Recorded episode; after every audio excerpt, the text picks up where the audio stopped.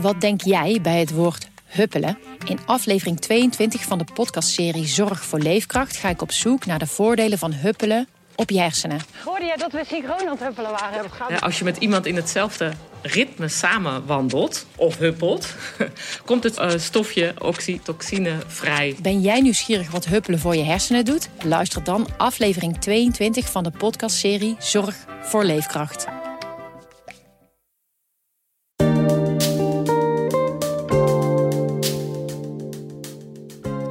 Ze appte af en toe om te vragen hoe het met hem ging en stuurde een beterschapskaartje. Verder wachtte Kelly Adams geduldig af.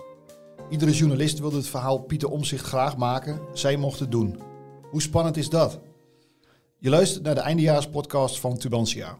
Vijf journalisten vertellen in deze serie over een ingrijpend of opvallend verhaal uit 2021. Mijn naam is Arjan de Bocht en aan de overkant van de tafel zit de vrouw om wie het gaat, Kelly. Hoe spannend was dat nou, dat interview met Omzicht? Nou, best heel spannend. Want je weet dat je de eerste en voorlopig de enige bent die hem spreekt. En dat is heel veel mensen het gaan lezen. En dan wil je het wel goed doen. Hoe, want hoe komt zoiets tot stand? Kijk, je bent daar natuurlijk al mee bezig in de maanden dat hij ziek thuis zit. En steeds meer mensen het over hem hebben. En je ziet hem overal opduiken in het journaal en bij het NOS. En iedereen vraagt zich af, hoe gaat het met hem? En het enige wat hij doet is af en toe een keer op Twitter reageren. Ehm, ik was natuurlijk ook gewoon wel oprecht geïnteresseerd hoe het met hem ging. Dus ik heb hem af en toe een keer gewoon een berichtje gestuurd van hoe gaat het? Tussen haakjes niet voor de krant. Ehm, en dan komt op een gegeven moment een moment dat je denkt van nou, zijn ziekteverlof, dat loopt een keer af. Zou die terugkomen? Toen heb ik een keer een appje gestuurd van wat zijn je plannen? Wanneer ga je weer naar Den Haag? Natuurlijk in de hoop dat hij uiteindelijk als eerste met ons wilde praten. Krijg, krijg je dan ook antwoorden op die berichtjes? Jawel, maar niet altijd gelijk. Soms in één keer weer een week later, als je het niet verwacht, op een zaterdagavond een reactie. Met daarbij bijvoorbeeld een heel verhaal over Malta, waar hij mee bezig is. Totaal uit het niks. En dat je denkt, waar komt dit ineens vandaan op zaterdagavond... als je zelf eindelijk uh, uitgeput op de bank zit uh, een beetje televisie te kijken. Klink, klinkt, klinkt raar, maar misschien moeten we een klein beetje, klein beetje terug van Pieter Omtzigt, wie, wie dat is. En, en ja, goed, hij, hij, was natuurlijk ziek, dat weten de meeste mensen wel. Maar kun je iets uitleggen over hoe dat, hoe dat gegaan is? Ja, hij is natuurlijk al jarenlang Kamerlid voor het CDA. Uh, steeds meer mensen die leerden hem kennen door die toeslagenaffaire. Hij heeft die eigenlijk wel aangekaart samen met enkele collega's, waardoor hij steeds meer in het nieuws was. Um, hij was ook altijd heel kritisch op het kabinet, ook binnen zijn eigen partij. Dat kwam ook steeds meer naar buiten dat hij, uh, dat hij zo was. En tegen het eind van 2020 uit mijn hoofd ja, kwam die toeslagenaffaire ook echt wel tot een ontknoping. Het kabinet viel er eigenlijk over, um, mede door hem. En daardoor kwam hij uiteindelijk ziek thuis te zitten met een burn-out, omdat hij zo hard gewerkt had en alles wat er rond hem speelde. En toen kreeg hij een ontzettend leuke foto toegestuurd. Met daarop een afzender, of nee, met een tekstfunctie elders. Ja, precies. Dat was, hij was net, net ziek thuis. En toen begon die hele affaire met omzicht uh, functie elders. Nou ja, dat zal je ook maar gebeuren, dat je net uh, eindelijk thuis zit uit te puffen, terwijl je eigenlijk even niet meer kan. En dan word je de meest besproken man van het Binnenhof. Ja, nou ja dat zal je maar gebeuren. Ja kunnen wij ons gelukkig als, als, als verslaggevers heel weinig bij voorstellen. Het enige waar je misschien wel iets bij kan voorstellen is dat je uh, ziek bent en dat het dan fijn is om een berichtje te krijgen of misschien ook juist niet. Want, ja. Ik denk misschien juist niet, want je wilt liefst natuurlijk gewoon met rust gelaten worden. Maar ondertussen wil elke journalist wil van jou weten van hoe gaat het en heb je nog contact met het CDA en heb je contact met Rutte en wat, wat gebeurt er nu? Terwijl ik me kan voorstellen als je een burn-out hebt, ik weet zelf niet hoe het is, maar dat je dan denkt van laat me met rusten jongens, ik, uh, ik wil even helemaal niks. Maar goed, op, op die appjes kwam er dan, ja, was al reactie of niet, maar blauwe vinkjes, hoe gaat dat? dat ja. Hou je dat in de gaten? Ja, zit ik even over na te denken. Volgens mij waren er geen blauwe vinkjes. Maar je gaat inderdaad op een gegeven moment wel kijken van wanneer... Dat doe je altijd als iemand een berichtje stuurt en je wilt een reactie. Van nou ja, wanneer was die voor het laatst online en uh, zou die het gelezen hebben of niet? Ja. ja, dat weet ik eigenlijk niet meer zo goed. Want um, het klinkt misschien raar, maar we weten ook waar die woont. Mhm. is, het, is het dan ook zoiets nog dat je denkt van, nou, ik ga gewoon even langs aan de deur, even aanbellen, kijken of die open doet? heb ik niet gedaan. Ik vind dat als iemand als hij ziek is, moet je hem in principe gewoon even met rust laten. Dus dat vond ik, vond ik zelf geen, uh, ik voelde mijzelf daar niet goed bij om dat te doen. Er is een collega die dat wel heeft gedaan. Ik was dat. ja, niet iedereen staat er hetzelfde in. Nou ja, goed. Nee, niet, dan moeten de luisteraars wel even goed begrijpen waar het over gaat. Ja, het klinkt een beetje asociaal, vind ik zelf. Ik werd toen op een gegeven moment in opdracht uh, van mijn chef gestuurd om, uh, om, om daar langs te gaan. Om te kijken of hij, uh, nee, goed, of hij wellicht thuis was. Want er zou groot nieuws aankomen over Pieter ja. Omzicht. de, de ChristenUnie had, een, eh, had iets en, en er zou groot nieuws zijn op Radio 1. En, en, en we zaten allemaal in de startblokken. Arjan, je moet naar het huis van Pieter Omzicht. Nou, en ik daar voor, eh, voor het huis staan. Het bleek uiteindelijk iets dat, ik, dat, ik, dat Gert-Jan Segers van de ChristenUnie zei van... we willen niet meer met Rutte. Had niks met Omzicht te maken. Maar goed, Nee. dat was wel een beetje de gekke tijd waar, eh, waar, we, waar we toen in Ik weet nog dat het in de groepsapp van onze redactie erover ging. En dat ik ook zei van, wat de, dat moeten we echt niet doen. Het sloeg ook helemaal nergens op. Ja. Maar goed, je hebt uiteindelijk niet echt bij hem aangebeld, toch? Nee, ik heb, me, ik, heb me nog nooit, ik heb me nog nooit zo verschrikkelijk gevoeld. We hadden nog een fotograaf mee. Nou, die, had, die had haar zonnebril opgezet. nou, alsof Jan Paparazzi zelf voor de deur lag. Nee, verschrikkelijk, verschrikkelijk. Zou ik nooit meer doen. Denk je dat hij jullie gezien heeft? Nee, ik mag toch echt hopen van niet. Nee, het Mag zou echt- echt super ongemakkelijk zijn. Het zou heel ongemakkelijk zijn. Dus wat als hij het wel gezien had, laat ik het dan zo zeggen, dan denk ik dat deze Tubantia nooit het verhaal had gekregen ehm, met Pieter Omzicht. Maar de vraag is natuurlijk ook van, hoe kwam dat verhaal er dan uiteindelijk wel? Want hij was ziek geweest, uiteindelijk komt hij terug en dan weet je, dan gaat hij een keer wat vertellen. Ja, op een gegeven moment komt het moment dat, dat je weet van nou ja, op die datum komt hij terug. Het was ergens eh, half september dat hij weer zou beginnen. Ehm, daarvoor hadden we wat appcontact. Op een gegeven moment belde hij, eh, naar aanleiding van een laatste appje, van nou ja, ik, eh, ik sta wel open voor een interview. Nou ja, dan zeg ik natuurlijk, nou ja, ik ook. Dat ga je niet, dat ga je niet afwijzen. Jij juicht van binnen dan. ja, bijna wel. Ja. Tuurlijk, want je wil dat interview heel graag. Ehm, nou ja, en dan maak je een afspraak en dan ga je dat goed voorbereiden eh, om er zoveel mogelijk uit te halen. Want daar zitten nog wel wat, wat dingetjes ook aan vooraf. Eh, Een, een kaartje gestuurd. Wat, wat staat er op zo'n kaartje? Niks bijzonders, beterschap.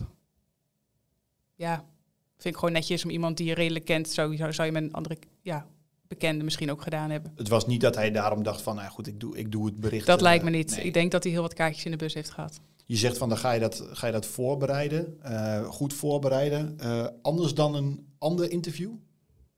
Ja, je bereidt elk interview natuurlijk goed voor, maar hiervan, nou ja, weet je, je kan het maar één keer doen en dan ga je toch met, met elkaar, met, op de redactie, met de chef nieuws, met de chef online nadenken van wat is nou het verhaal we willen vertellen?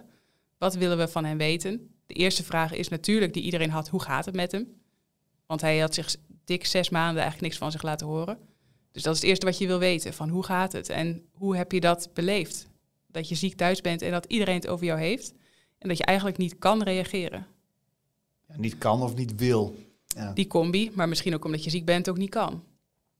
Qua, nou dan, dan bereid je vragen voor. Wa- wa- waarvan waren de dingen waarvan je zei van die moeten echt absoluut, behalve van hoe gaat het met je? Wat moet er absoluut op papier komen? Nou ja, de eerste vraag, of het eerste ding wat we zeker wilden weten was... hoe gaat het nu verder met Omzicht en het CDA? Want hij had, was natuurlijk zelf uit het CDA gestapt, was daar heel helder over. Maar binnen het CDA waren er allerlei pogingen om hem terug te krijgen. En waren allerlei mensen, leden, eh, andere eh, politici... die zeiden van, hij moet terugkomen. Dus dat zweeft een beetje boven de markt. Ehm, dus wat we van hem wilden weten is... ga je terug naar het CDA, ja of nee? Nou, zijn antwoord was heel duidelijk nee, absoluut niet. Is voor nu een gesloten boek. Ja. Ehm, dus dat is dan het nieuws wat je graag wil brengen. Ja, Ehm, dat, dat, is, dat wil je sowieso. Je wil, eigenlijk alles wat hij op dat moment zegt is, Mhm. is al nieuws. Alles gaat op een, eh, op een, op een weegschaal. Ehm, ik begreep ook dat, dat, je een, dat hij... Had hij een specifieke wens om ergens af te spreken? Want ik meen dat jullie in het bos gewandeld hebben. Nee, dat was eigenlijk een verzoek vanuit, eh, vanuit ons. Ik had er, ja, op de redactie hebben we erover nagedacht van... je kan bij iemand aan de keukentafel gaan zitten en een uur een gesprek hebben... en dan heb je een vrij recht toe recht aan eh, interview. En natuurlijk heb je dan genoeg dingen, want wat je zegt... eigenlijk alles wat hij vertelt is op dat moment nieuws. Maar je weet ook, als iemand ziek is... in de tijd dat we ook allemaal in een lockdown zaten... ehm, of nou, ik weet het niet zeker of het lockdown was... maar door corona kon er niet veel. Je gaat wandelen, wat ga je doen... Dus ik heb hem gevraagd van, goh, wat, wat deed je eigenlijk in coronatijd, in de tijd dat je ziek was? Ehm, hij wandelde veel rond Hof Espelo in Enschede. Hij wandelde ook op het Binnenhof. Heb ik wel eens verteld, toch? Ja, Ik- dat is waar ook. Ja, want eh, achter zijn huis in Enschede, ja, misschien moet ik niet te veel zeggen, dan gaan mensen hem opzoeken, maar daar, daar zit het Binnenhof, een heel klein eh, straatje. En daar kom ik hem tegen met een capuchon op, al bellend. En al bellend. En hij zegt dus van, eh, hij was aan het praten. En ik denk, heeft die man nou tegen mij? Voor de rest was er helemaal niemand. En ik ken hem natuurlijk verder helemaal niet en hij mij ook niet. Je herkende hem van de televisie. Ik herken hem van de televisie, meneer Pieter Omzicht. Ehm, maar dan liep hij toen rond. En toen dacht ik van, wat, wat is hij toch druk? En wat ziet hij er toch een beetje showvol uit met zo'n capuchon op? Nou ja, goed, was hij dus gewoon in zijn vrije tijdskleding. Ja. Maar toen dacht ik al wel van, hij wandelt veel. Sorry, lange onderbreking. Maar toch is dat wel dat hij gewoon op het Binnenhof in Enschede, dat is toch heel grappig. Ja, dat is wel, eh, ja, vind ik, vond ik wel apart. Ja. Dat je denkt van, heb je het binnenhof in je achtertuin? Ja, heel raar. Ja. Ehm, op Hof Espelo zelf heb je gewandeld, maar dan kun je niet eh, met je klapblok aan schrijven. Nee, dat klopt. Maar dan toch, als je, met, als, je, als, je, als je loopt, heb je een ander gesprek dan wanneer je aan tafel zit. Want dan ben je aan het nadenken over alles wat je vertelt. En als je loopt, dan nou ja, is het toch wat meer uh, ontspannen wellicht. Ja, dat je niet elk woord weegt wat je daar zegt. Dus dan nou, heb je een veel opener gesprek met elkaar. Ja. Vervolgens kom je thuis en dan uh, moet je dat uit, uit gaan werken. Mm -hmm. uh, kijken er dan allerlei mensen mee met, met wat voor verhaal dat wordt? Nee, in eerste instantie niet. Dan is het, je komt thuis, ik, ik heb het interview opgenomen. Dat wist hij uiteraard. Soms doe je dat, soms doe je dat niet. Maar een gesprek, wat een gesprek van hoe lang zal het zijn geweest? Uh, twee, drie uur. Nou ja, ga dat eerst maar eens allemaal uittypen. Dan kun je een half krant vullen als je dat allemaal gebruikt. En dan is het van, nou ja, wat zal ik voor verhaal gaan vertellen? Wat, wat gebruik je wel, wat gebruik je niet? Nou ja, dat is een flinke klus. Wil, kon, je, kon je tot de kern komen bij hem? Bij, bij wat je graag wilde? Ja, dat denk ik wel. Um, Want je zei al van, hij begint soms, hij kan ook zo appjes sturen over de situatie in Malta. Terwijl ik kan me voorstellen dat dat uh, niet iets is waar je het op dat moment over wil hebben. Nee, maar nu ging het echt heel duidelijk over hoe het met hem was gegaan en hoe hij zijn terugkeer zag en wat hij wilde in de toekomst um, met zijn eigen partij. Ja. Dus dat is ook wel echt waar we op gefocust hebben in het gesprek. Hij zei um, onder meer ook nog dit later in een ander interview. Ik ben niet optimistischer geworden over de Nederlandse politiek het afgelopen half jaar terwijl ik op de bank zat. Als ik zie hoe, hoe er met elkaar omgegaan wordt en hoe er vooral al zes maanden lang niet onderhandeld wordt over de inhoud. Hoe er grote beloftes gedaan worden over een nieuwe bestuurscultuur, maar ik het gewoon nog totaal niet zie. En hoe ook hele grote vraagstukken, zoals de ontzettend grote woningnood, blijven liggen dan is dat pijnlijk.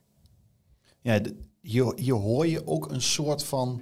Ik weet niet, ja, je hoort dat hij al meteen weer met de inhoud bezig is, mm -hmm. maar je hoort ook nog een soort vermoeidheid in zijn stem. Dit was ook vlak na dat hij weer teruggekeerd was. Ja. Was, dat, was dat bij jou ook zo? Ja, ik vond wel dat je aan hem kon zien en merken dat hij er nog niet 100% was. Dat hij er ook echt nog wel uh, wat hersteltijd nodig had. Maar dat vertelde hij ook wel. Dat in, in Den Haag is het gewoon zo dat ze werken met periodes van 16 weken dat je ziek bent. Um, dus hij, zijn enige keus was om of terug te komen of nog 16 weken ziek te zijn.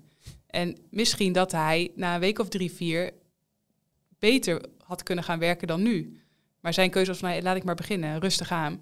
Maar er zijn bepaalde periodes dat je ziek mag zijn? Ja, ja voor als je, ja, wel voor, voor kortstondig, maar als je echt vervangen wordt door ja. iemand, ja, dan is dat echt voor langere periode. Dus hij had niet de keus van, nou, ik, ik neem nog voor mezelf een maand of anderhalf om nog iets verder te herstellen en dan begin ik weer. Nee, dan had hij echt nog bijna vier maanden moeten wachten en dat wilde hij niet.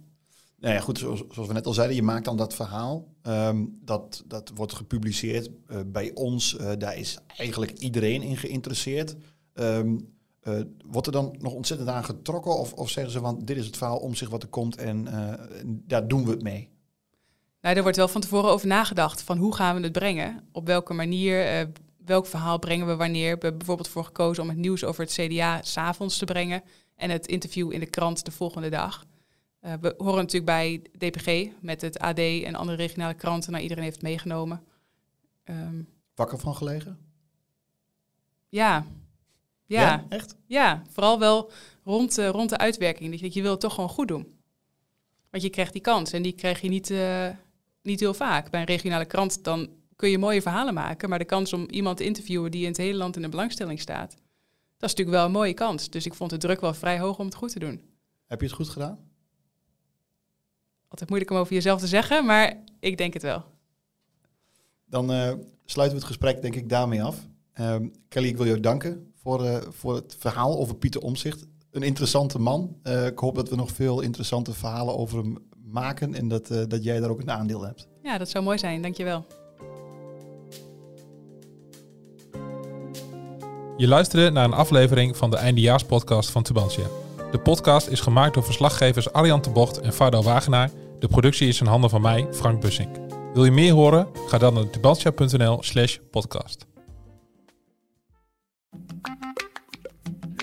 Wat denk jij bij het woord huppelen? In aflevering 22 van de podcastserie Zorg voor Leefkracht ga ik op zoek naar de voordelen van huppelen op je hersenen. Hoorde jij dat we synchroon aan het huppelen waren? Ja, als je met iemand in hetzelfde ritme samen wandelt of huppelt, komt het eh, stofje oxytocine vrij. Ben jij nieuwsgierig wat huppelen voor je hersenen doet? Luister dan aflevering 22 van de podcastserie Zorg voor Leefkracht.